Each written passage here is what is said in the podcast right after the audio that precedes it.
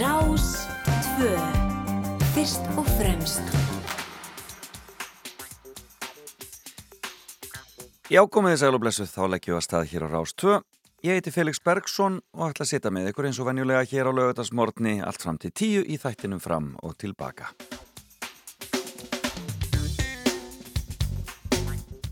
Og hann var nabur í morgun hér á höfuborgarsvæðinu uh, og nabur í nótt um, en, um, og það er ímas ymsar vendingar í veðrinu eins og hann Andri Irkill las fyrir okkur hér áðan. Mikið er hann annars frábær lesari, hann Andri Irkill Valsson. Dásanlegt að fá þetta flotta unga fólk inn í fréttalesturinn hjá okkur. En það er nú annars saga, en e, já, en e, það er sem að þetta eru svona veður eru válind og það eru guðlar viðvaranir fyrir setnimpart dagsins e, á vestfjörðum ströndum og Norrlandi vestra og Norrlandi eistra. Þannig að e, fariði varlega og fylgist nú vel með færið og veðri áður en lagt er af stað. Nú er komin sá ástími og Uh, en hér, en þið getur líka bara hlustað útarpið og haft það hugulegt heima við kannski komin tími til að fara að svona hugað haustverkunum kveikja kerti, svona vetrar vetrar stemningin aðeins farin að, að, að, að banka á dyrnar hjá okkur. Og ég ætla að fá góða gesti hér í dag. Hann Arnur Björnsson leikari og handrýtshöfundur hefur ekki einmekla aðtegli, minn skoðst ég svona inn í listabransanum á undarföldum árum. Kornungur maður en hann ætlar að koma til minn í fimmuna. Hann er að skrifa nýtt leikrit fyrir krakkana í Vestló og uh, það verður gaman að heyra hvernig uh, fimma frá Kornungum manni ljómar hér ég held hann sé ekki nema 25-26 ára gammal við spyrjum hann betur á því hér á eftir. Og síðan ætla ég aðeins að heyri Jónum Guma Jóns hér eftir nýju hann er að fara að halda ammælistónleikana sína 20. oktober varð 60 núna í vikunni og ég ætla að spila nokkur lög með honum og heyra hljóðið í gumma. Eh, hvernig hann hefur það og hvernig stemningin er fyrir tónleikunum og hvernig hann ætlar að hafa þetta þarna í háskóla bíói og svo ætla ég aðeins að segja ykkur frá þætti sem er að hefja göngu sína á Rúf í sjónarpunni annað kvöld. Og eh, aðeins að fjallum hann hér í síðar síðasta hluta þáttarins. En um, eigum við ekki bara að leifa tónlistin að tala svona til að byrja með? Og ég sagði að ég ætlaði að spila nokkur lög með Guma Jóns í þessum þætti. Og um, þá náttúrulega kemur sálinn fyrst upp í hugan það er nú bara þannig.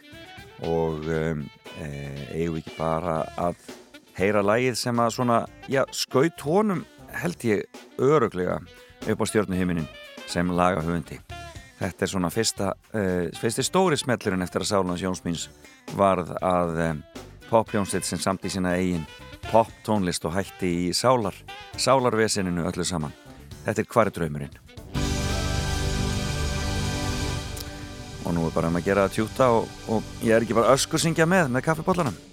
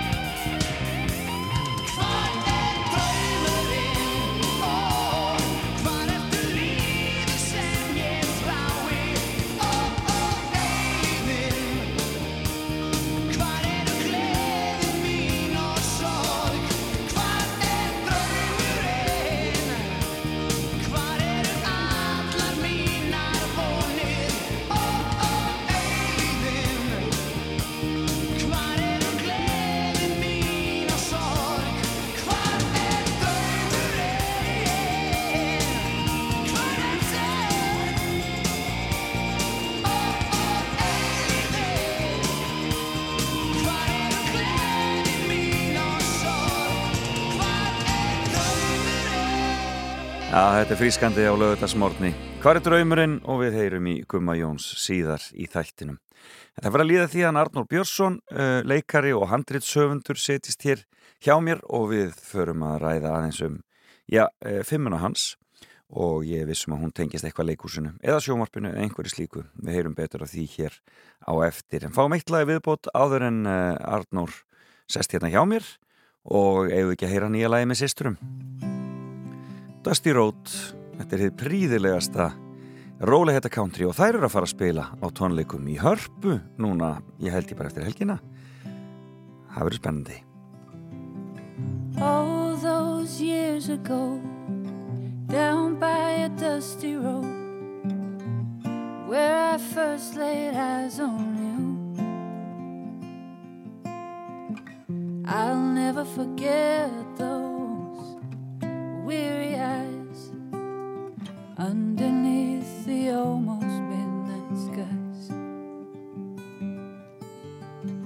Every now and then, I think of when I first knew that I loved you. Oh, and the world changed its colors, but then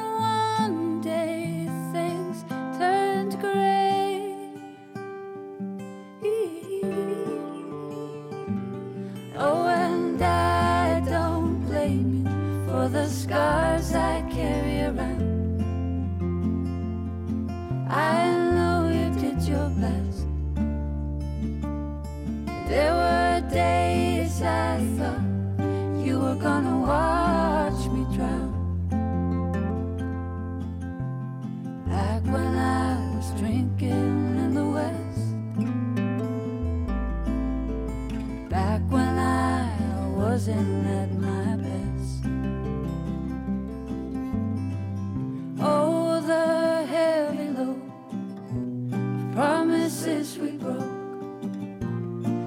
The wind. Like two birds on a boat that's going down. All we had to do was fly away. Sometimes from dusk to dawn, my mind will be wandering on. Let God's mirrors keep me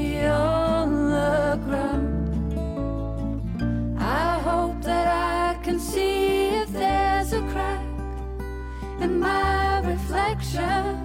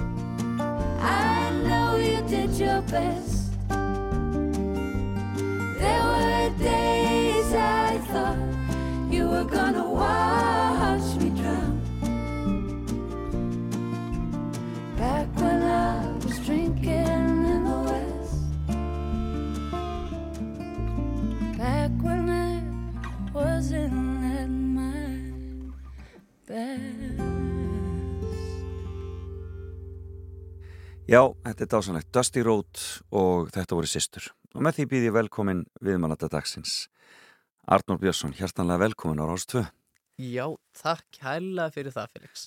Gaman að fá því hérna til mín er, Erstu morgunmaður? Er, er erfitt að vakna svona snemma á lögutasmanni?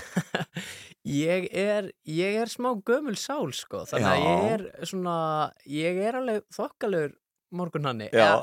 ok, kannski ég er svona morgunhannar sál í, hérna, náttúrafna líkama, mögulega.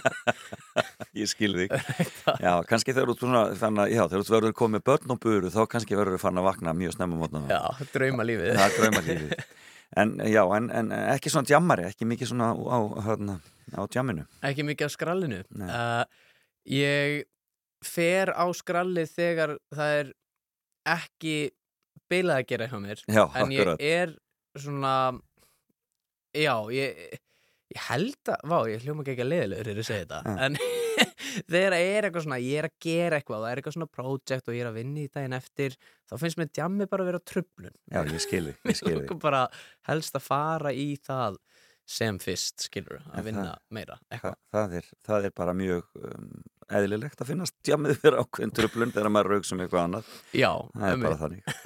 eh, þú ert búin að vera uh, mjög virkur allt frá uh, því þú ert bara unglingur byrjar að skrifa síningar og setja upp til dæmis í gaflara leikúsinu og svo að skrifa sjómastætti og núna eh, búin að klára þitt leiklistanám en, en líka búin að vera að skrifa stundin okkar á meðan og einna höfundum, höfundum þeirra þátta eh, Var þetta leið sem þú ætlaðir alltaf inn á?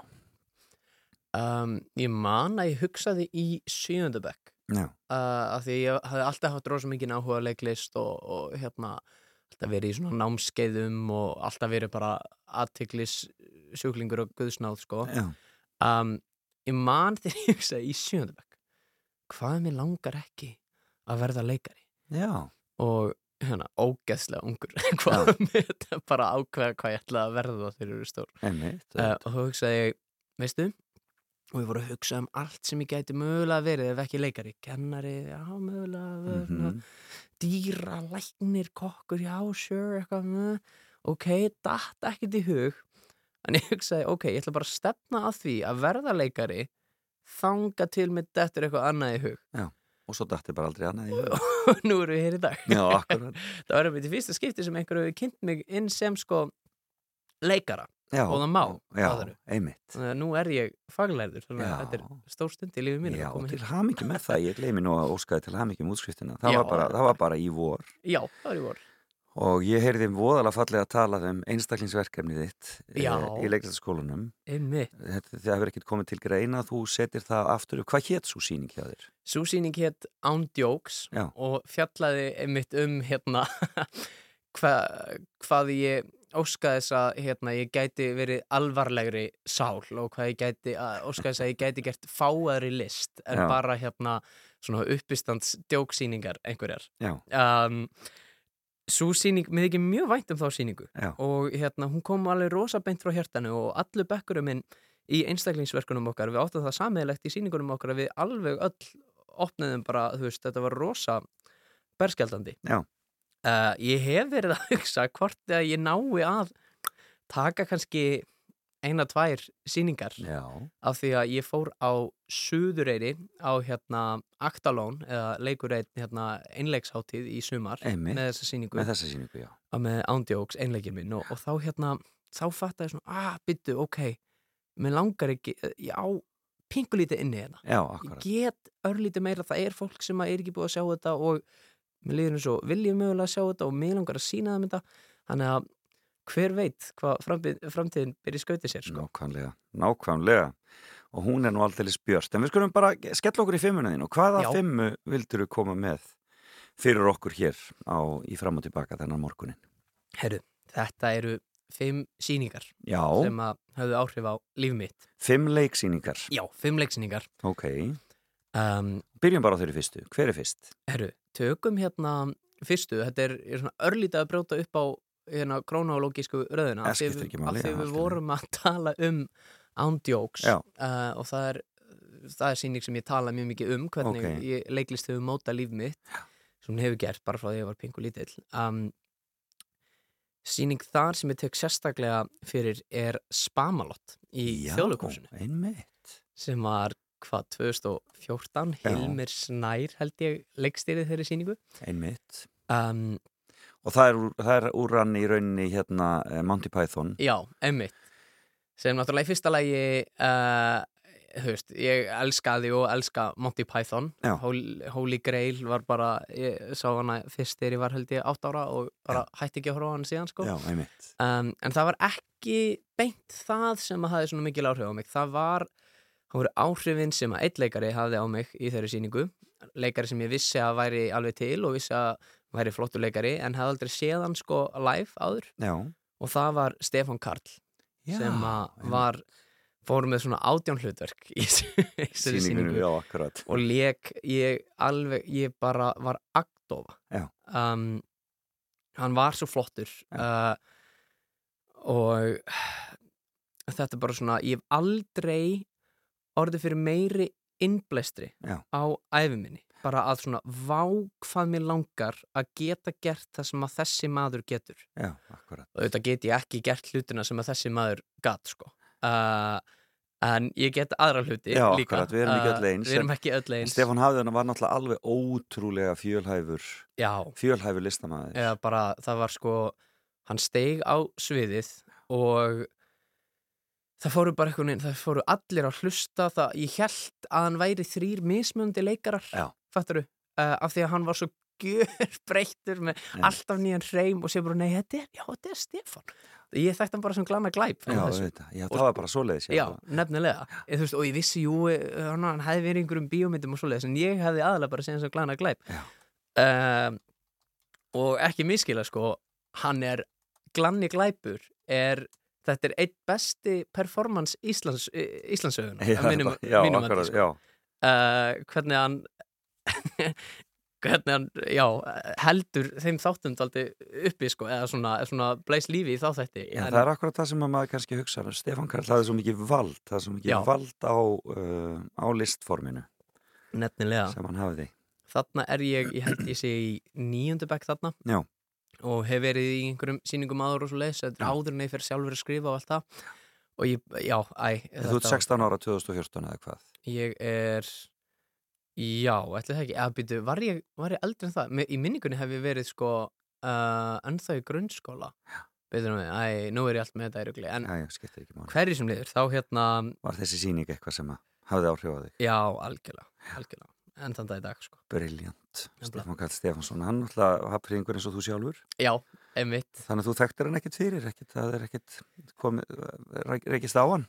Ég, nei, kannski bara eitthvað svona mögulega eitthvað pingulítið í gegnum þá gablara leikhúsið Já. sem að hérna frænka mín Björk Jakobsdóttir uh, rekur og var Já. að reka þegar ég var lítill líka. Uh, hann var náttúrulega, ég held að hann hefði byrjað aldið í Hafnarfjörðarleikusinu eins og þá var hétt uh, en nú er ekki alveg með þetta á hreinu. Ég hafði heyrt sögur af hann bæði frá sem sagt pappa mínum sem er haffæringu líka Já. bróðir pappa sem að var líka ég held að hann var alltaf að segja mér sögur á hann og hérna ef, ef mér minnir rétt og síðan svo var næst því hann eins og góðsögn svona Já, lifanda lífi. í rauninni. Alltaf að heyra af þessum gæja og svona hvað hann var ógeðslega fyndin og ég man einhvern tímann ég öfundað hann aðeins að hafa hitt hann eða virkilega sko séðan af því að það voru allir með sögu af manninu nákvæmlega og ég svona, heyrðu, ok, ég hef eins gott að fólk tali svona um mig þegar já, akkurat, eftir, eftir nokkur ár líka. Blessu sé minning hans. Algjörlega. Jú, en hann hóf sinn feril í, í, í áhuga leikfélaginu Hafnarfjörðarleikursinu sem, að, hafna, sem að var Einmitt. þar En uh, já, þetta er 2014 en uh, hver er næsta sýning sem þú vilt nefna við, okkur? Er það fyrsta sýningin? Það er, það er fyrsta sýningin, það er alltaf að hoppa aðeins tilbaka Já. Ég man eftir alveg einhverjum sýningum þegar ég var alveg lítill, lítill. Þú veist, ég fór á uh, ég held ég hafi eitthvað tjóðum farið á halsaskogi, Já. kardumambæin, þetta klassíska Einmitt, Alltaf alveg, þú veist, fílaði það. Já, Aldrei þetta moment sem er heyri svo oft hjá leikur um að hérna bara líf mitt breyttist eftir Akkurat. hérna kardumambæin, eitthvað svoleiðis. Og það er ekki út af því að sýningarnir eru ekki góðar það er bara, ég, ég var svona það fór bara ekki á þann stað fyrir mig. Fyrsta skipti sem ég fann leikhús töfra já, var hérna, eða svona mann eftir því var þegar ég fór á Nei Ráðherra í borgarleikusinu ekki beint barnasýning. Nei, ég held að það er held ég hvað, ég er 2011 eða eitthvað svoleiðis, Já. ég er þá hvað, ég er eitthvað 12 ára eða eitthvað svoleiðis. Uh, hérna og þetta var þarna, þarna kom það sko, ég var í hláturskasti, ég held að hafi líst sýningunni þannig, uh, ég held að Magnús Geir hafi leikstýrt þeirri sýningu, Já, þjóðleikústjóri vor í dag. Um, og henni var lýst sem tvekki tíma hláturskast með eða eitthvað svo leiðis og ég bara var, eða, þú veist, þetta svínvirkaði á mig ég er algjörlega sammála þeirri lýsingu. Þarna varði ég ástfangin af um, farsa forminu já, og hef verið allar götur síðan uh, þetta þa- uh, þetta form ég, ég, ég, svona, ég vissi ekki að væri hægt að hlæja svona mikið í leikhúsi Já, það er bara svoleiðis Já, nefnir af því að þú veist og ég veit, nú, ég veit ekkert hvað mér myndi finnst um sýninguna í, hann, hún gekk held ég, ég þau sýndir rosa marga sýningar Já. ég held að þetta hafi verið rosa góð sýning Einmitt. en svona í augum mínum, í augum Barts sérstaklega sem er svona grín uh, svona áhuga maður þetta var bara, já, ég hefði aldrei hleyið svona mikið og þetta var uh, og mér fannst þetta svo æðislegt formað, þú veist, þetta var svo mikil físík já, í þessu og það var svo, það var svo gaman það svona hlakkaði í mann í öllum senum ó, núna kemur þessu inn og ég Já. veit að það er einhver í skápnum en hann veit ekki. Þú veist, þetta er svona, þetta er sama tilfinning og ég fann í rauninni þegar ég fór á dyrni í hálsaskogi Já. og bara, hann er að bak við þig! Já, þetta, er- þetta er það nema fyrir eiginlega fyrir fullorðna já, skilur akkurat. Nei, framjóhaldarinn er inn í skápnum skilur, og við erum bara, við bara þetta svínvirkar á okkur en skemmtilegt. Dásanlegt Þetta er svona þetta er svona þar sem að ég fann fyrst alveg svona hvað leikhúsi getur verið með mikinn af því að maður hefur sér margar flottar bíómyndir og þætti og svoleiðis en hérna, mér líður meira eins og ég hafi verið kildur í magan Já. í leikhúsi. Já. Það er einhvern veginn svona aðeins áþreifanlegra. Já. Uh, já, þetta er það er skemmtilegt sem ég uppgötaði það. eh, semst þú varst að fara í leikhús þá sem sagt, varstu drein í leikhús af fjölskyldinni eða var það svona eigin frumkvæði svo þú fórst að Uh, ég var, nei, ég var sko pappiðin var náttúrulega að vinna í kvikmyndabransanum meira eða svona í svona, hérna, í svona uh, þeir sem tengdist kvikmyndum og öðru slíku í gegnum, Jú, það gegnum sitt er sína vinnu það er í raun og veru uh, sko uppeldi mitt Já. er í rauninni bíómyndinar og hvað gerir, hva, hvað gerir pappiðin? pappi var sem sagt hérna uh, hjá Senu í dag er hann hérna vinnur hann í bílasölu, stóru bílasölunni allir, allir kaupa bíl. Uh, hérna hann var hjá Senu í hann mörg, var mörg hjá ár. Senu í mörg mörg ár. Margir þekkjan sem Bjössi í Senu. Já, sem ekki ekki hana uh, og þar er mitt í gegn þú veist, og hann alltaf, föstudagskvöld frá því að ég var lítill og, þú veist, um, og helgar það fóru eiginlega bara alltaf í að pappi síndi okkur nýja mynd. Já. og ég elskaði það að það var æðislegt. Uh, og það er í rauninni svona, ég er ekki leikhúsbarn í rauninni sko. Nei, þóttu, þú veist, ég, ég man að ég verð ástangin af uh, leiklist fyrst og fremst í gegnum svona uh, behind the scenes ég var alltaf, alltaf eftir að horfa um að mynd þá, Já. þetta er náttúrulega DFD þá Einmitt. fór ég alltaf svona, í svona hana, menjúið og, og fór í svona behind the scenes Já, dæmi. að sjá það sem gerast á baku tjöldin já, og hérna ég var svona vák það er gaman hjá þessu fólki Já, það var svoleiðis já, og auðvitað er það örgulega svona matreitt þannig sko. Já, En ég var bara, guð minn almatur hvað þetta fólk skemmti sér vel í vinnunni. Og þau eru bara að gera það sem ég ger á hverjum degi í stofunni nema og þau eru að fá borga fyrir það. Já. Hversu hindislegt. Þannig þar er ég svona, En mammaðin var aldrei neitt tengd leikhús eða svoleiðis nei, mamma er bara ferðarskristofu drottning, Já, sko. akkurat Uh, en, en, en, en í hennar hennar sískinahópi er auðvitað já, Björk þar, Jakobsdóttir einmitt, það er sýstirinnar, uh, mömmu minn er Björk Jakobsdóttir sem er Já. leikona og maður hennar náttúrulega Gunnar Helgason, hann er eiginlega svona, þú veist, hann er náttúrulega bara svona smá skápappi líka, skilur, akkurat. mikið, þú veist, oft hjá okkur og ég oft í pössun hjá þeim og, og svo Já, leið, sko, þannig að þar kemur daldi leikus og það voru nokkra leikusferðir sem voru af því að þau bara gripu mig, Já. svo fjölskylda Björk og Gunni bara gripu mig að heimann og fóru með mig í leikus Já, sem að ég er mjög þakkláttur fyrir líka. En það er ekki eins og ég hafi eitthvað svona já, verið að byggja um endilega að fara í leikhús og var rosa sáttur líka bara með bíómyndina mínar sem er form sem að ég tengi líka rosa mikið við þegar að ég var að gera hérna uh, bók 2015 á samt Óla Gunnari Gunnarsinni Já. frænda mínum og uh, bara svona að segja, samstarfsmaður uh, bara lífstíðar samstarfsmaður. Einmitt, og já, Bryndís Björgunsdóttir gerði bók með okkur 2015 sem heit Leitina tilgangi úlingsins og þá fyrsta sem við lásum alltaf í öllum gaggrinum sem við fengum var hérna að þetta er í rauninni bíómynd.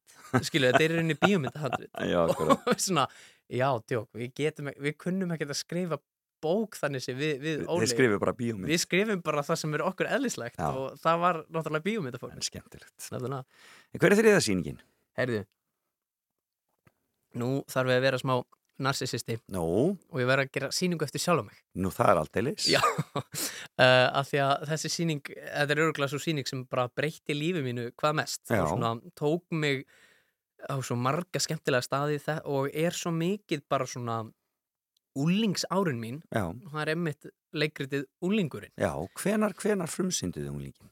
uh, Þetta er sem sagt, úlingurinn var leikrit sem við síndum í Gablara leikusnu 2000 og, jáhá, frumsýnum 2013, oktober 2013 í Gablara leikusnu í Hafnarfyrir ég og Óli Gunnar Gunnarsson uh, hérna Björk Jakobsdóttir leikstýr okkur, mamma Óla. Um, tvíleikur í Gablara leikusnu uh, þetta skrifu við já, við, uh, vorum í leiklista svona námskeiðum alltaf, við höfum verið lengi í Gablara leikursinu Já, auðvitað bara útrúlega aðteglisúkir við þurftum okkar útráfs um, þar kemur um, svo hugmynd fram að það vantar hérna bara leikrit af því að þetta er vannræktur hópur af leikusunum Já. eða, nei, ekki viljandi leikusun hafa uh, verið að reyna að ná til úlinga mjög lengi og það hefur tekist en svona kannski misvel og svona mis, mikil bara svona áhersla á það já, og Fattarðu? kannski ekki alltaf verið að hlusta á það sem unglingarnir Akkurat. hafa að segja. Þannig að það var kannski svo sem breyting sem var í þessu verk.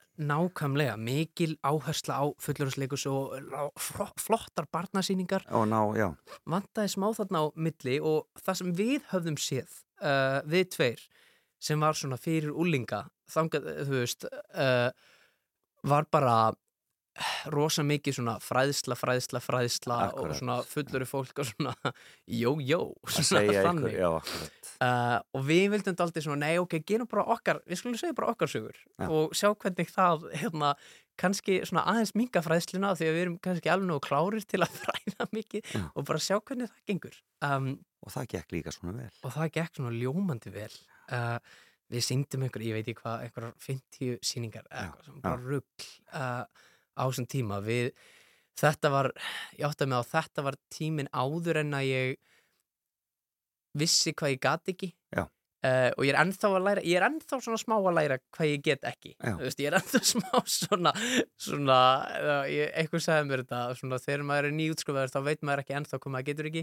Þarna var ég sko ennþá meira, þarna var ég, ég var í tíundabæk og allan tíman í vörlinu var bara, þetta verður bara negla Já, já, var ekki maður, ég var ekki stressaður í eina sekundu Það var ekki evi það var ekki evi í eina sekundu þessi sýning, hún gerði svo mikið hún, hérna ég fengur svo mikið að læra á hvernig áhörundur virka því að það var engin fjórðivekkur í rauninni þetta var smá svona eiginlega uppistandsrefja með rauðum þræði smá svona Einmitt. Þannig voru mjög mikið að tala við áhörundur og dróum áhörundur á svið og svona og þá uh, þarna verð ég ástofangin af því að vera í díalóg við áhörundur það Ah. er svo gaman og þetta sem við mistum svo, söknum svo mikið í COVID. Já, að þessi, þessi sameiginlega upplifun, þessi, þessi tveir klukkutímar þar sem við deilum einhverju, þú veist, hlátri eða hvort, að- hvort við fyrir öll að gráta saman en það er bara að við erum hér saman og við finnum að það, eins og ég sagði leikur svo er svo áþreifanlegt Já, akkurat. það er svo, það er svo fyndið að maður er að sína sýningu og síðan er einhver eitt sem er ennþá að hlæja brandarinn síðan áðan og þá getur maður gert grína þeim út í akkurat. og þá fara allir að hlæja því og, og svona, svona þetta er eitthvað svo, er svo miklu galdrar í þessu og sérstaklega að draga áhörundur á svið og svona leifaðum að vera með, leifaðum að vera óþægileg og bara, æ, þetta er svo mannlegt eitthvað. Og þessi síning tekur okkur við förum ringir í kringum landið förum til Vestmanneia með geggjaða síningu sem að hérna uh, það voru ekki nógu mikið af stólum í, í salnum þannig að fólk að fara að hérna herru Gurri, veistu hvort að Sigur hún sé að nota hérna garðstólana? Nei ég kem að nægi þá.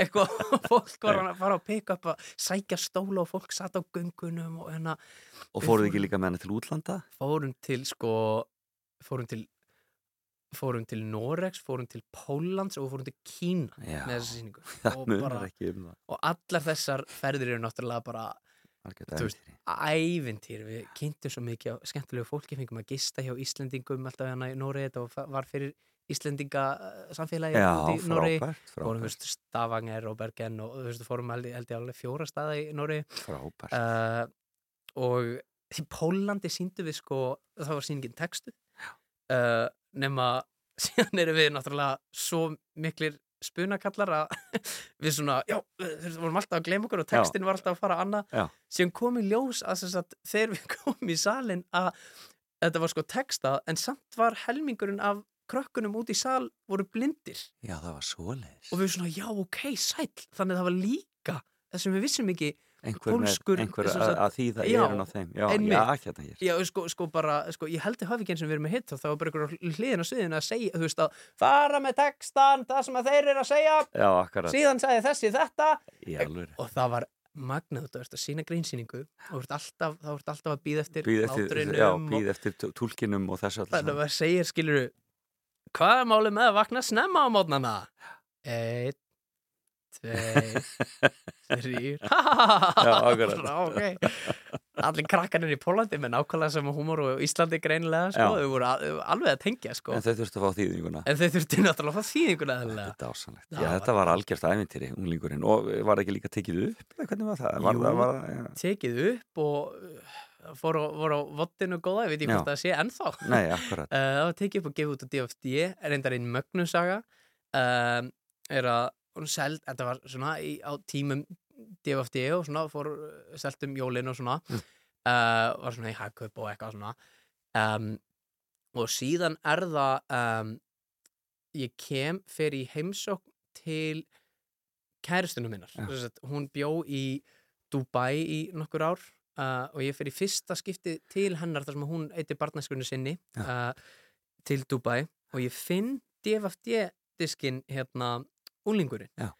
og Kolbrún bara svona, já, býtu, vá, herðu, fekk, já, þetta var hérna og við svona, býtu, hvað, fegst það jólagjöf eitthvað sliðis? Já, og svo þetta er síðasta jólagjöfu mín frá ömmu sem, Já, sem er dái núna Já. og hérna uh, það var svo magnað að hérna maður svona ok, þannig hún er svona gæti verið, af því að hún saði að þetta er svo sniðu í strákar eitthvað og gaf henni þessa jólagjöf uh, þannig maður svona ok, kannski hún fekk ekki að hérna að samþykja mig inn í fjölskylduna og amma kolbrúna kæristunum minnar en, en, en hún allavega hana gaf uh, gaf kæristunum minni mig í jólagjöf er. Þannig að-. Það, það var allavega það en síðan reyndar ekki alveg fallega röndir að hún var ekki búin að, hún horfði aldrei á Já, hún, nú, já, nú bara stend situr yfir henn og, og, og tryggir það og hún gerir það með mjög reglum millibili. nákvæmlega Heyrðu, við skulum taka okkur smá pásu. Þú komst með lag með þér Já. sem er tengt e, leiksýningu sem þú vorst að vinna að í augnablikinu í Vestló. já, Og þetta er e, jazz-útgáfa af af Víva söng, söngnum Víva Vestló sem Vestlingar syngja hvar sem þeir koma. nákvæmlega, þetta er svo, ég og Kolbrún kerstin mínum erum að leikstýra saman frumsöndufarsa sem við skrifuðum Já. uh, fyrir ári uh, erum að sína núna í november farsa um, um Vestló og mjög mikið af sjálfskagrinni á Vestló við unnum þetta úr svona viðtölum við Vestlinga og okkar eigin upplifun og okkur finnst þessi, þessi glansmynd Vestlinga svo æðisleg Já. þannig við vildum prófa að svona snúa eins upp á hana og prófa að heyra hana í öðrum brag Heyrðu, við skulum heyra þetta þessa jazz-útsetningu. Viva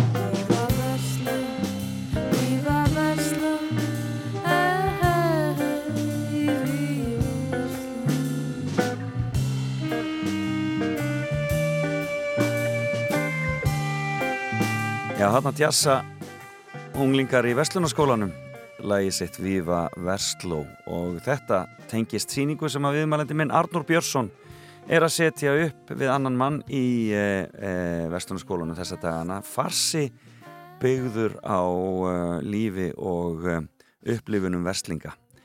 Það verður spennand að sjá það. En við erum búin að vera að ræða hér fimmuna hans Arnús og við erum búin með þrjárleiksýningar af fimm. Spamalott frá 2014, Neyra á þeirra 2011 og svo Unglingurinn 2013 hvað, en Arnór, hvað er fjórðaverki sem þú vilt nefna við okkur? Hörðu, fjórðaverkið verkið verður að vera uh, allt sem er frábært. Já, einmitt sem hann leikur hann eh, Valur Valur Freyr Freyr var hérna einleikur með Já. Valur Freyr uh, þetta var rosasýning, fannst mér. Um, og hún gekk líka í einhver þrjú ár Já, sko, hún COVID, ég held hún hafi lifað COVID næstu í Já, svo byrjar fyrir COVID og síðan ja, Fyrir hvort- 2019 sást eitthvað svo leiðis eitthvað svo leiðis, já, og síðan ég held hún hafi haldið smá áfram eftir COVID, þetta er allavega indislsýning um, Hvað er það við hana sem er svona sem Um, hafði, höfðaði svona til þín? sko, það var einmitt þetta þetta samtal við áhörundur í þessari sýningu er þetta einleikur þar sem að Valur Freyr leikur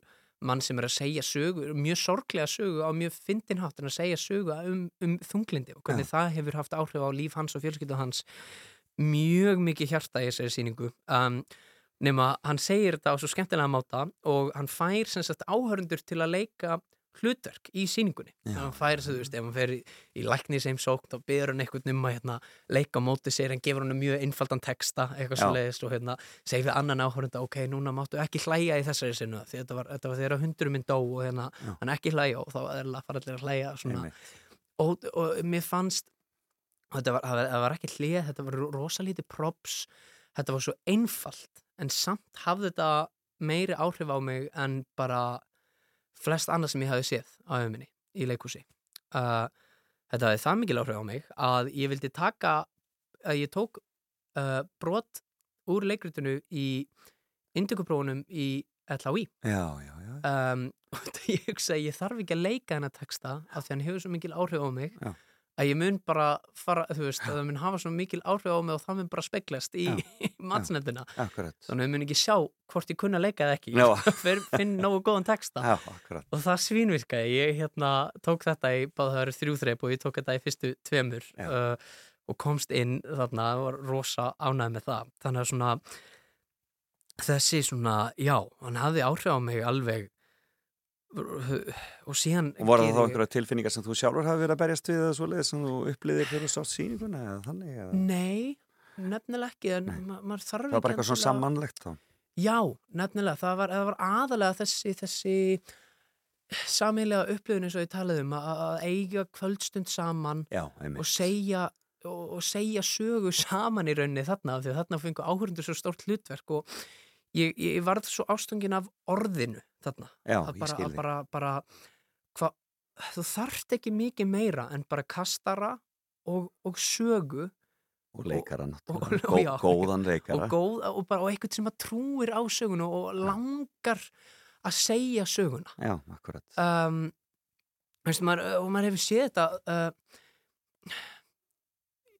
það er svo á mann þegar maður er barn og fóreldrar manns er að segja manni sögu. Já, og hérna, maður er kannski þurfa að svæfa mann og þeir segja manni sögu og, veist, og þetta er alveg hérna, áhrifamikið og, og stóra sviðið í hérna, New York eða eitthvað skilur er- þetta skalast svo fallega þessi, þetta- og því þetta er alltaf í grunninn bara þessi þörf manneskunar til að deila. Og þarna fannst mér hún vera svo kjörnuð þarna í hérna sýningu. Já. um, og já, ég greit á sýningun og ég skelli hló og bara svona þetta svona síndi mér hvað leikus getur verið einfalt en samt fallegt. Valufrey gerir þetta einstaklega vel. Já, bara, Frábær leikari. Nefnilega. Síðasta sýningin, svo fymta Nú er bara tíminn að hlaupa frá okkur. Já, emitt, herri svo fymta, það er hérna, ég veit ekki hvað hún heitir. En það var sýning sem kendi mér geggjatrykk Hvað það?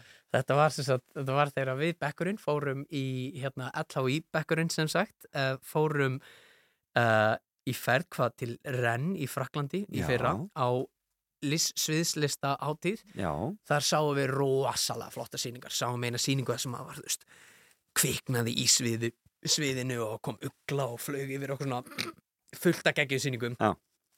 eftirminnilegsta sýningi sem hefði mest áhrif á mig var mjög svona framúrstefnuleg sýning Já, sem var eitthvað svona fólk í plasti að segja alls konar orð á bullmáli Já. og hérna eða frönsku sem er líka bullmál fyrir mér. Uh, hérna, og bekkjabræður mínir sitja við hliðin á mér og þeir svona, eru dotta. Og svo kvíslar hérna á mér og segir það versta sýning sem ég séð á æfum minn, aldrei séð verið sýning. Sofnar. Síðan er ég svona, já ok, hvernig fer þetta að vera búið? Uh, síðan byrja performararnir að hérna hella upp á vodkaskott fyrir alla í salnum þau taka þau eru ennþá í einhverjum svona spuna einhverjum Já. taka hérna vodka byrja rétt öllum í öllum áhörundum öllum Já. þessum vilja og ekki bræði mínu nei, og eftir svona kortir af þessum gjörningi Já. Arnur, þetta er besta sýning sem ég sé að hefnum er geggja trekk ef þú hefur ekki trú á sýningunni þinni. Gefðu áhörundum frítt áfengi. Bara af hverju var ekki búin að pæli þess áður?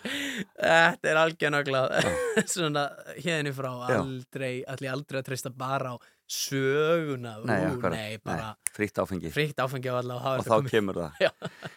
Hérna hér, já, það er ímislegt að gerast á svona leiklistarháttíðin já, hérna það eru mörg verkefni fram, framdar í þér, það er náttúrulega þessi sýningi Vestló sem þú ætlar að klára núna í, í, í, í november. Einmitt, frumstinni nóvumber, það sem gerist í Vestló hlakkum rosa mikið, til að sína hana Já. svo mikið kraftur og einlægni í þessum krökkum að tala um Hitt og þetta í sínu lífi bara. já, tala um sinnveruleika og hvað glansmyndir geta haft rosa skrítin áhrif á mann, mannheilan Þú er svolítið komin í unglingin aftur, bara láta... Í rauninni, láta aðra Jafningafræðslan, bara segja, segja, segja söguna sjálf.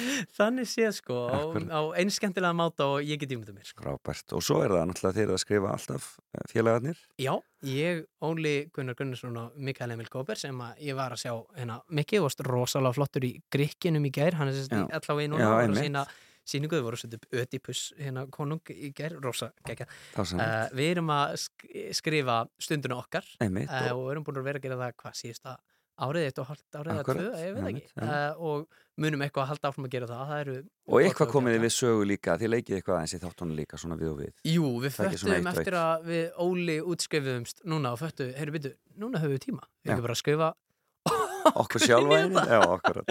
og það er náttúrulega ógeðslega, ógeðslega gaman sko eh, og síðan eru við líka með mjög marga rosa flotta uh, aðra gestaleikara en síðan er þetta Ástildur Úa og Níels Tíbá Girard uh, sem að fara með hlutverk Bolla og Bjöllu Akkurat. sem að eru svona aðal alvanir okkar tveir En hvað með, en hvað með sviðið, sviðið? Verður eitthvað sjálfur á sviðið í vetur?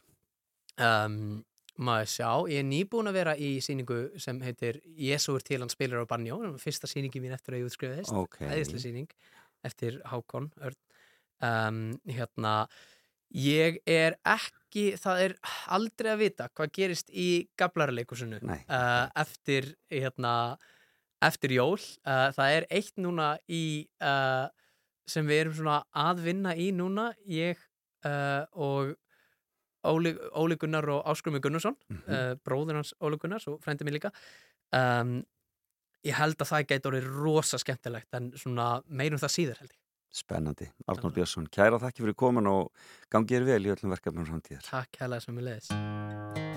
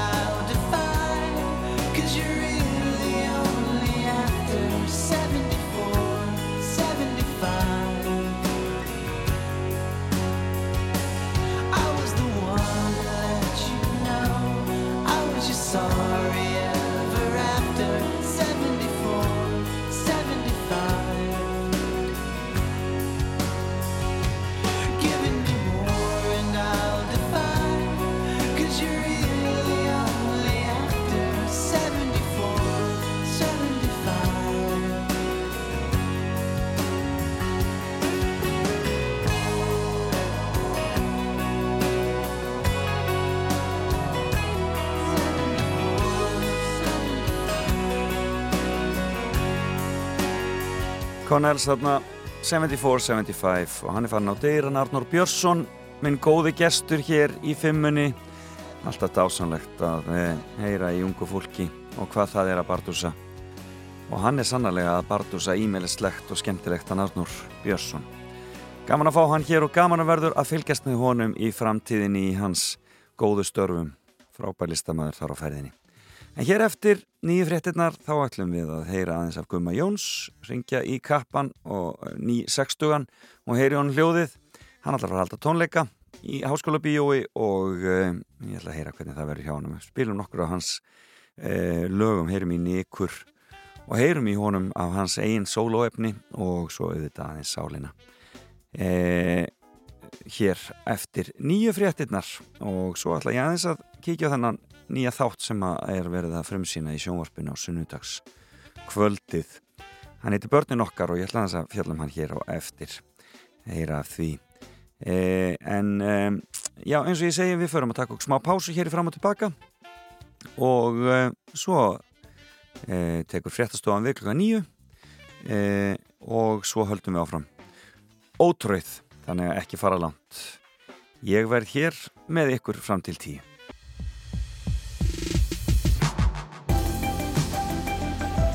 Rástvö, fyrst og fremst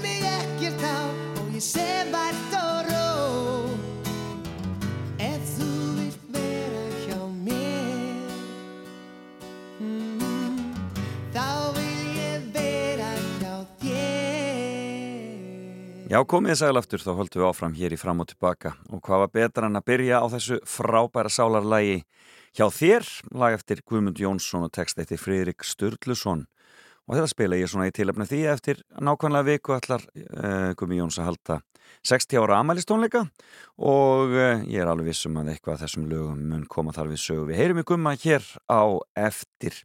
En hann var hjá okkur í morgunar Arnór Björnsson, uh, ungur leikari og handritsöfundur sem hefur aldrei sverið að gera það gott í gegnum árin en nú nýjútskrifaði leikari og farin á fullt og uh, farin að leikstýra og uh, ja, skrifa eiginverk og gera hitt og þetta. Uh, gaman að fá hann hér í morgun og fimmann hans voru fimm leikrit sem að höfðu áhrif á lífans.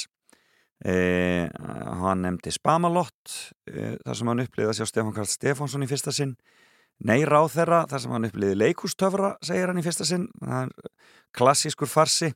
E, unglingurinn, leikriti sem breytti lífans, sem hann setti sjálfur upp á sínum tíma, það skrifaði og lék í og svo allt sem er frábært með vali fyrir eina sinni í borgarleikusinu. Og svo e, talaði hann um ónemnda leiksýningu á leiklastarháttið í Renn í Fröklandi, þar sem að lausnin þegar áhörundum var farið að leiðast var að gefa þeim vodka. Já, já, það er ímsar lausninnar.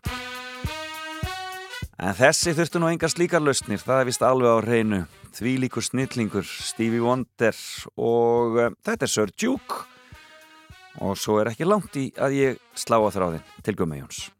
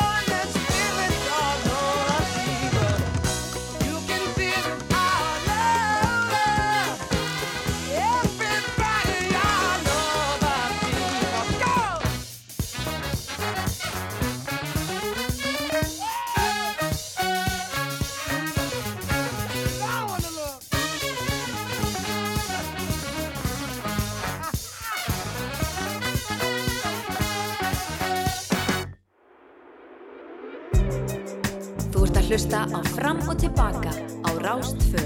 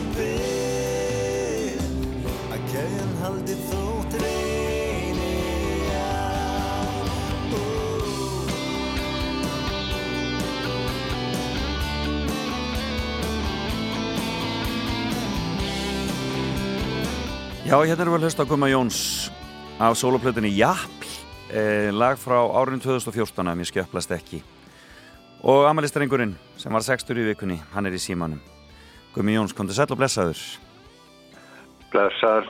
til hamingi með Halló. daginn til hamingi með daginn þinn Já, ta takk fyrir það. Það var, ég var, eh, hérna stóri dagurinn var núna á þrjúdæg. Já, akkurat Þannig að hvernig er að vera orðin 60 þú eiliðar unglingurinn ha, það er, uh, það er nú kannski svona, uh, ef ég var ekki að halda þessa tónleika núna í háskóla bíu á næstu helgi, þá var þetta bara svona eins og hverju dagur. Já, akkurat Já, En það er svolítið mikið fyrir þess að haft núna, þannig að maður er svolítið uppvæðraðar. Já, svolítið upp, akkurat Hvernig, er, hvernig, hvernig eh, hvaða tilfinningar í gegnum hugan þegar þú heyrir þetta lag Tifandi sál eh, af Japlinu Þetta var fyrsta soloplata þín, það ekki?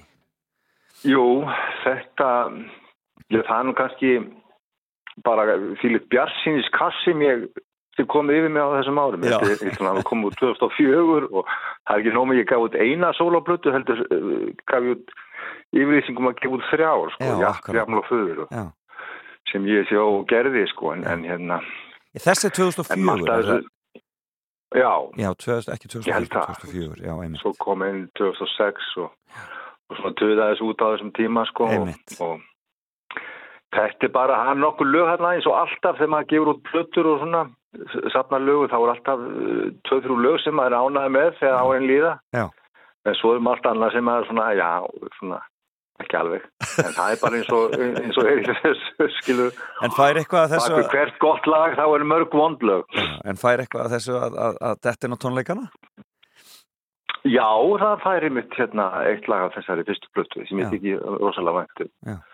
Lag sem ég samdi um, um, um drengi minn, Já, hann, hann, hann Daniel og alltaf hérna lag sem heitir Ég skal vaka.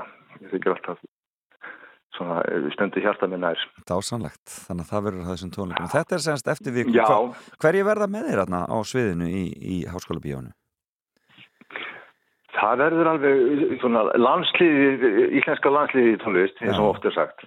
Þetta verður svona, já hvað, taka þetta með svona húsbandi eða svona grunnbandi, sko. Já, Það eru Ingar Alf, Alfredsson svona, með mér hljónstastjórn, hljónbóðsleikari, Benedikt Brynjarsson og Trommur, Robby Þórals og Bassa og svo eru Brassarna undir stjórn hann Samuel, Samuelssonar. ok Og svo verður hérna söngvarar eins og og, hérna Jóhanna Guðrún, Já, Dívan sjálf og, og hérna Magni Áskilsson og Sverri Bergmann, Almarud og uh, svo koma fram hljónsettunar Nikurs.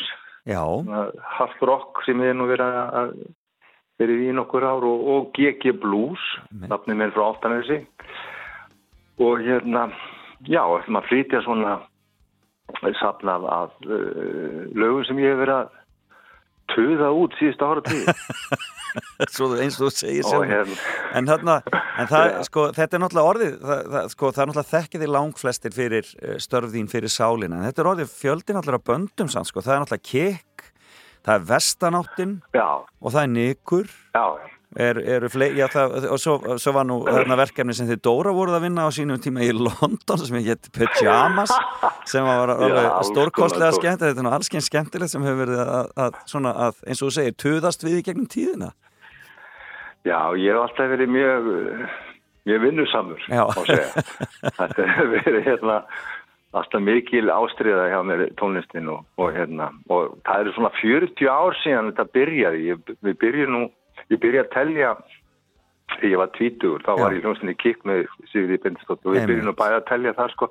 Þá fengum við hljómplötu samning, sko. Já, og, og kjölfarið eh, kom plata út sko. Og það er svona eh, það er svona á þessum tíma sérstaklega þessum ára þá skildir svona milli mann og drengja að að fá hljómplötu samning sko, Já, koma svolítið áfram. Já, og hérna og, og síðan eh, flosnaðan upp úr því er er 25 ára þá byrjaði ég sálinn sem er þetta hryggjast ekki svona í mínu höfundaverki sko. Það er þetta líka þessi lög sem fólk eh, kannast þetta við sko Ég spilaði með hvar er draumurinn í morgun uh, bara í Já. hérna fyrsta, fyrsta lagi þættunum og það er náttúrulega svolítið lagi sem að kemur þér svolítið á kortið svona sem lagahöfund í rauninni, er það ekki? Má ekki segja það í?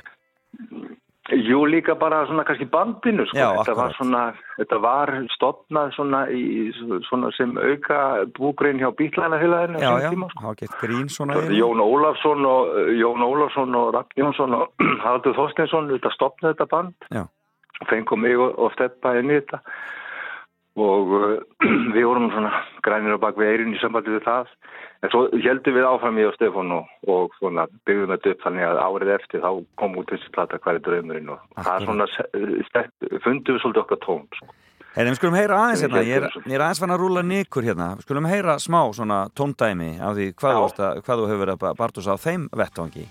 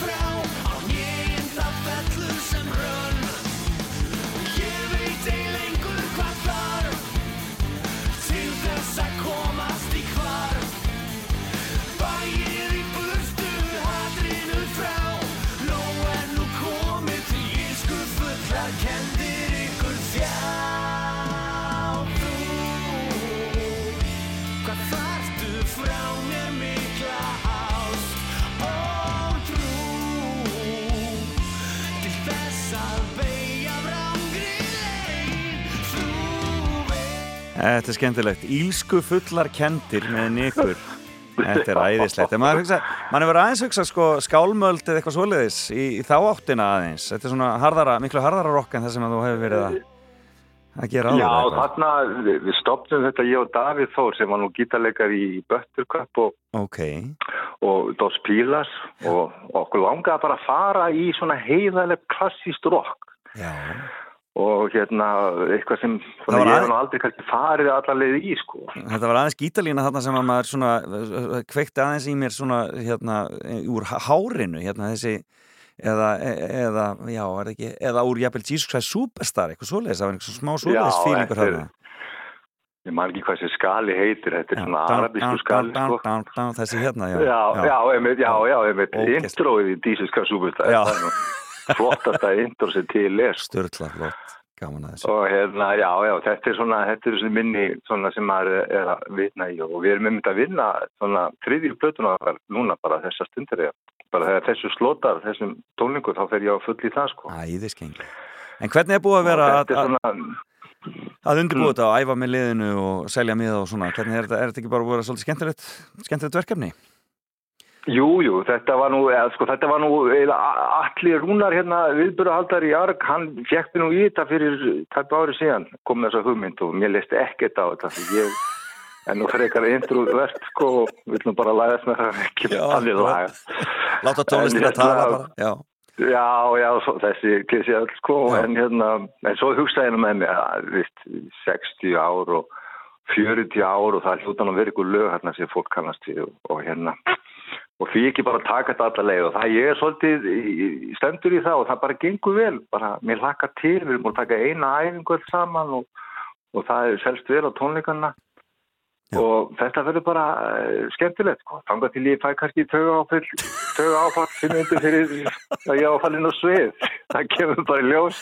Akkurat, en maður er múin að vera hérna að fara upp á svið á fermingu, það hlýtur nú að koma Þetta hlýtur að vera í lagi. Þjálfunin hlýtur að kikka inn. Já. þú þekkir þetta fyrir 40, 47, ár, 47 árum síðar Já.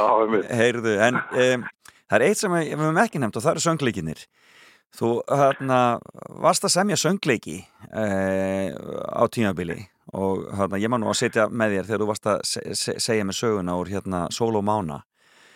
Já, og hjálpar hvetja, þið áfram. En hérna, um, er það eitthvað sem þið langar til þess að halda áfram að, svona, að, að gera eitthvað meira í, í framtíðinni? Það, ég hef alltaf verið mjög svag fyrir söngleikjum, sko, Já. talandi um Dísuska Superstar og, og fleiri þessar klassísku, sko, en hérna, og, og einhvern veginn í ósköpunum tókst mér, eða tókst okkur að setja þetta á, á kottir hérna á sínum tíma sól og mána. Við gáum út hérna tvær tvíbraplötur og, og gáðu fengið hann Gíó í borgarleikusin til að taka sensin á þetta. Einmitt. Sem gekk bara fínt, þetta voru svona 30 sí- sýningar og Ferlega skemmtileg síning.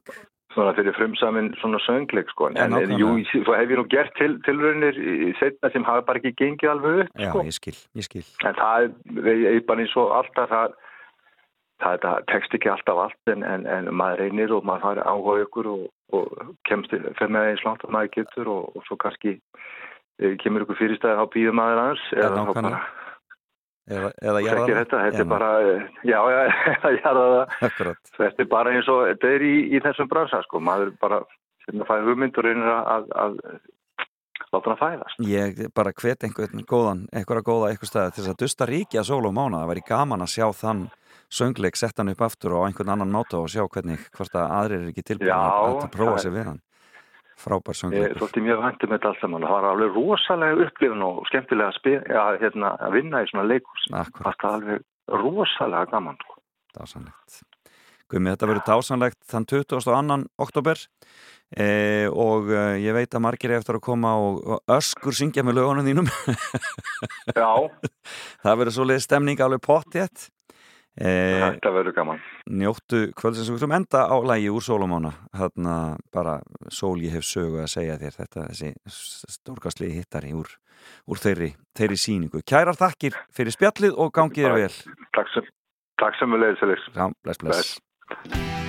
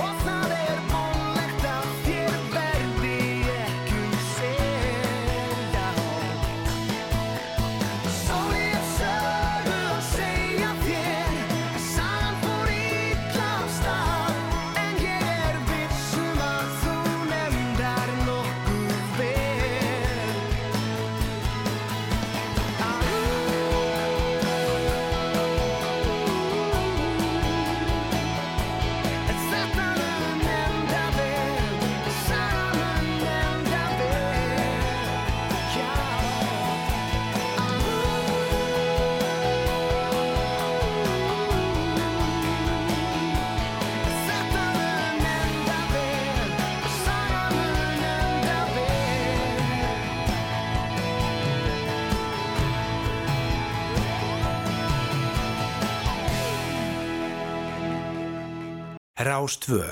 Með þér um helgar. He'd rather swing from a cable than sit by the table and eat cake. Sapphire up before you're even awake. He's got style and still they dial the police.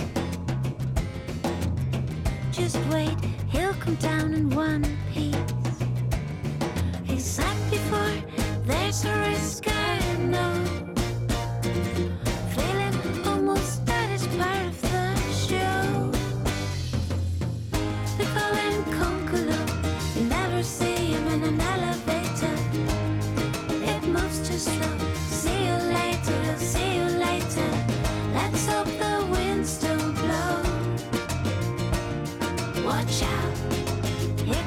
comes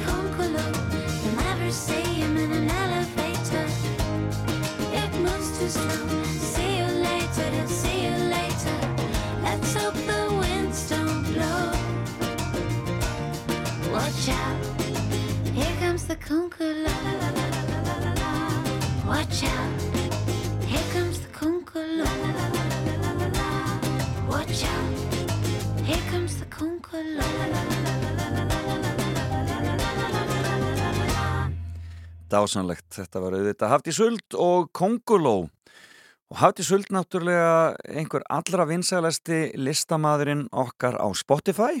Og það er einfallega vegna þess að hún hefur verið að gera tónlist fyrir börn sem að virkar svona líka vel og eh, er alveg já, spilað í tætlur á Spotify af foreldrum og um, einhver uh, sá ég, ég sá einhvern skrifa á Twitter um daginn hvaða væri við þessa tónlist hennar Hafdísar. Hún setti eitthvað, einhver, einhver, það var einhver svefnlif í þessari tónlist sem að hjálpuðu börnum til að sopna dásanlegt en um, talandi um börnin okkar þá er nýr þáttur að fara í gang á, um, í sjónvarpinu. Á sunnudagskvöldið klukkan 20.15 eh, ný þáttaröð sem heitir bara einfallega börnin okkar og í fyrsta þættinu verður fellið málþroska og tengslamyndun þetta er gríðarlega spennandi e, sex þáttaröð e, gerð af e, Bö- Inga Böðvarsinni og Gunnþórunni Jónsdóttur e, í samvinnu við Hermund Sigmundsson.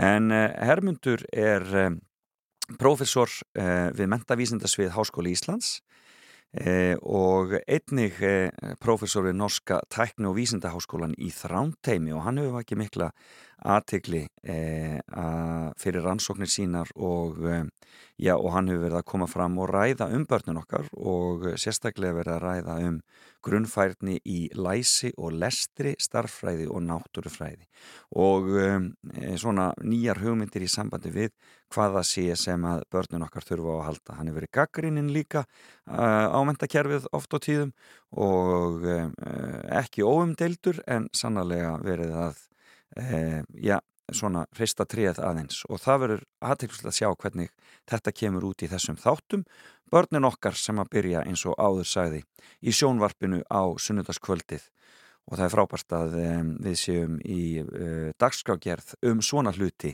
líka. Ég veit að það er fullt af svona uh, serjum og uh, já, þáttum í vinslu hér hjá okkur á Rúf og það er gaman að sjá hvernig þessi þessi serið kemur út. Auðvitað bæir byggjast var að klárast. Það voru margir sem nutu þeirra þátt, að algjörlega í botni, ég var einmitt á ferð á Austurlandi og það var svo gaman að hafa séð þáttin um Seyðisfjörð áður um að kom þangað. Þetta er bara dagskragerð sem skiptir okkur gríðarlega miklu máli. E, já, það var dásanlegt að ferðast um Austfjörðina í vikunni. Því líka veður blíðan og maður bara hefur ekki séð e, annað eins logn e, í lengri tíma. E, dásanlegt fyrirðirnir stórkostlegir og, og e, Austfjörðirnir auðvitað svæði sem við ættum öll að heimsækja eh, oftar en einu sem oftar en tvissar frábært að koma þangað. En áfram með músikina þeir eru að hlusta á fram og tilbaka hér á Rástvö það fyrir að líða því auðvitað að Salka Sól tæki við klukkan tíu og svo reykur þetta, hjá, reykur þetta sig hjá okkur hér á Rástvö eins og alltaf allir það ekki eftir háttegið og tónlistin síðan klukkan fjögur. En hér er Celeste og það er stórkoslega Love is Back. Love is back. Love is back. Love is back.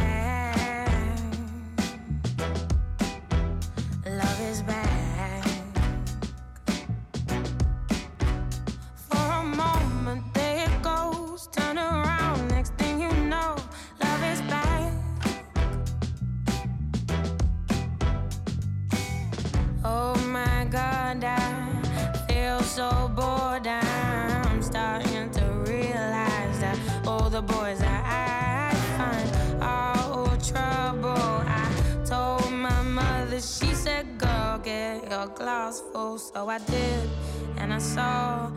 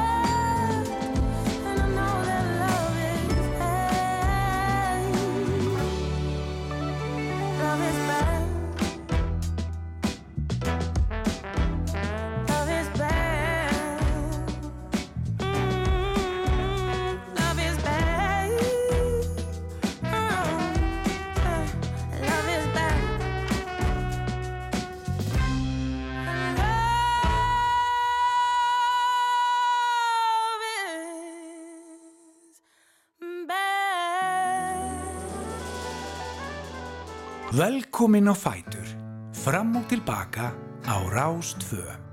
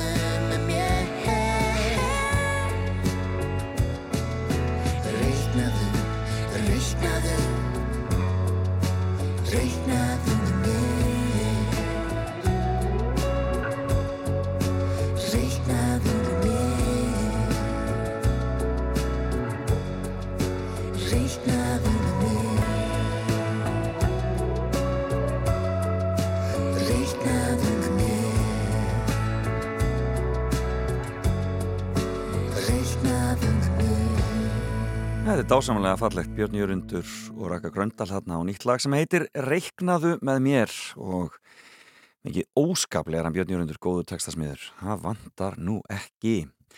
E, það er leikur, landsleikur í dag, spennandi. E, við erum að spila í handbóltanum, bein útsending frá leika Íslands og Íslands í undakefni EM karla í handbólta og ég held að það sé mikill spenna fyrir íslenska kalla handbóltalandsliðinu þessa dagana. Þeir eru sterkir og um, komum stór hópur af leikmannum þarna á heimsmæli hverða sem að eru að bera kindilinn áfram. Og þó okkur vanti e, kanónur í liðið þá bara stíga aðrir upp í staðinn, þetta er alveg ótrúlegt. Ómar Ingi ekki verið með og, og uh, Áran Pálmarsson enn þá meittur þannig að þá koma bara aðrir inn í staðinn. Og það verður spennand að sjá strákan spila við eista í dag.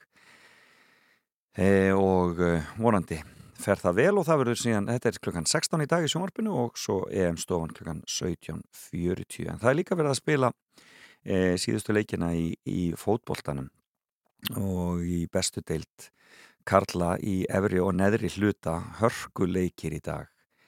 E, og sannkallaðir, já, stórslægir breyðabli káer e, blikarnir auðvitað búnir að e, vinna Íslandsmestari titilinn en e, fá káer í heimsóknu ég vissum að Vesturbæðingar vilja nú sína úr hverju þeir eru gerðir, það verður að kópa á svellinum og svo vikingur sem að mætir káa og það er nú barist hart um annarsætið og sæmdina sem því fylgir að ná því.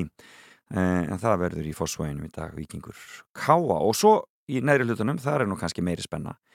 Keflinginga fá FH í heimsókn. FH-ingar að reyna að slíta sig úr þessum neðri hluta og samaskapi leiknir. Og Ía og þessi báðir leikir hefjast klukkan tvö í dag. Og svo er náttúrulega líka verið að leika í ennskaboltanum og kannski svona merkilegasti leikurinn þar er já, alltaf ekki svona, já, Tottenham Everton hörkuleikur, setjumpartin í dag. Já, já, þannig að það er ímislegt í gangi. Og svo auðvitað eru við hér á Rástvö, verðum við með ykkur. Salkasól, Alli e, tónlistin og e, síðan í kvöld e, er lagalistin. Með Matta og gestur hans í kvöld er Freyr Eyjólfsson. Það verður skemmtilegt. Dásanlegt og hægt að njóta hvar sem þið eruð hvort sem er innanlands eða utan. I've been crawling around in mud, chasing rivers and rubbing salt in the wound. Salt in the wound. Now I'm letting go letting go. I feel the air light up when I'm alone. When I'm under a dome. It's the only way I know. It's cake to not feel great when you're in a storm. This happiness on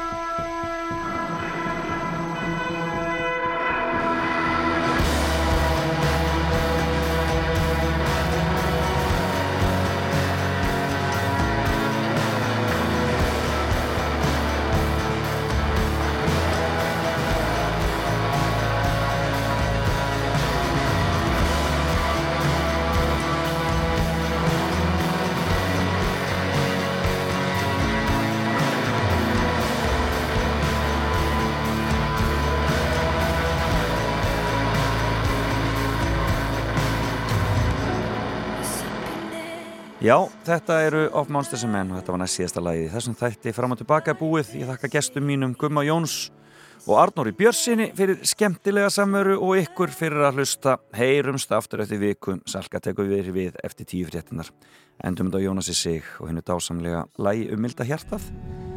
Náum ekki að heyra það allt, en eitthvað er betur en ekkert. Heyrumst aftur eftir viku. Bless, bless. Finnst ég þurfa að tegja mig? Finna einhvern stað? Milda hjarta? Kaldur inn að beini? Ekkert til að tengja við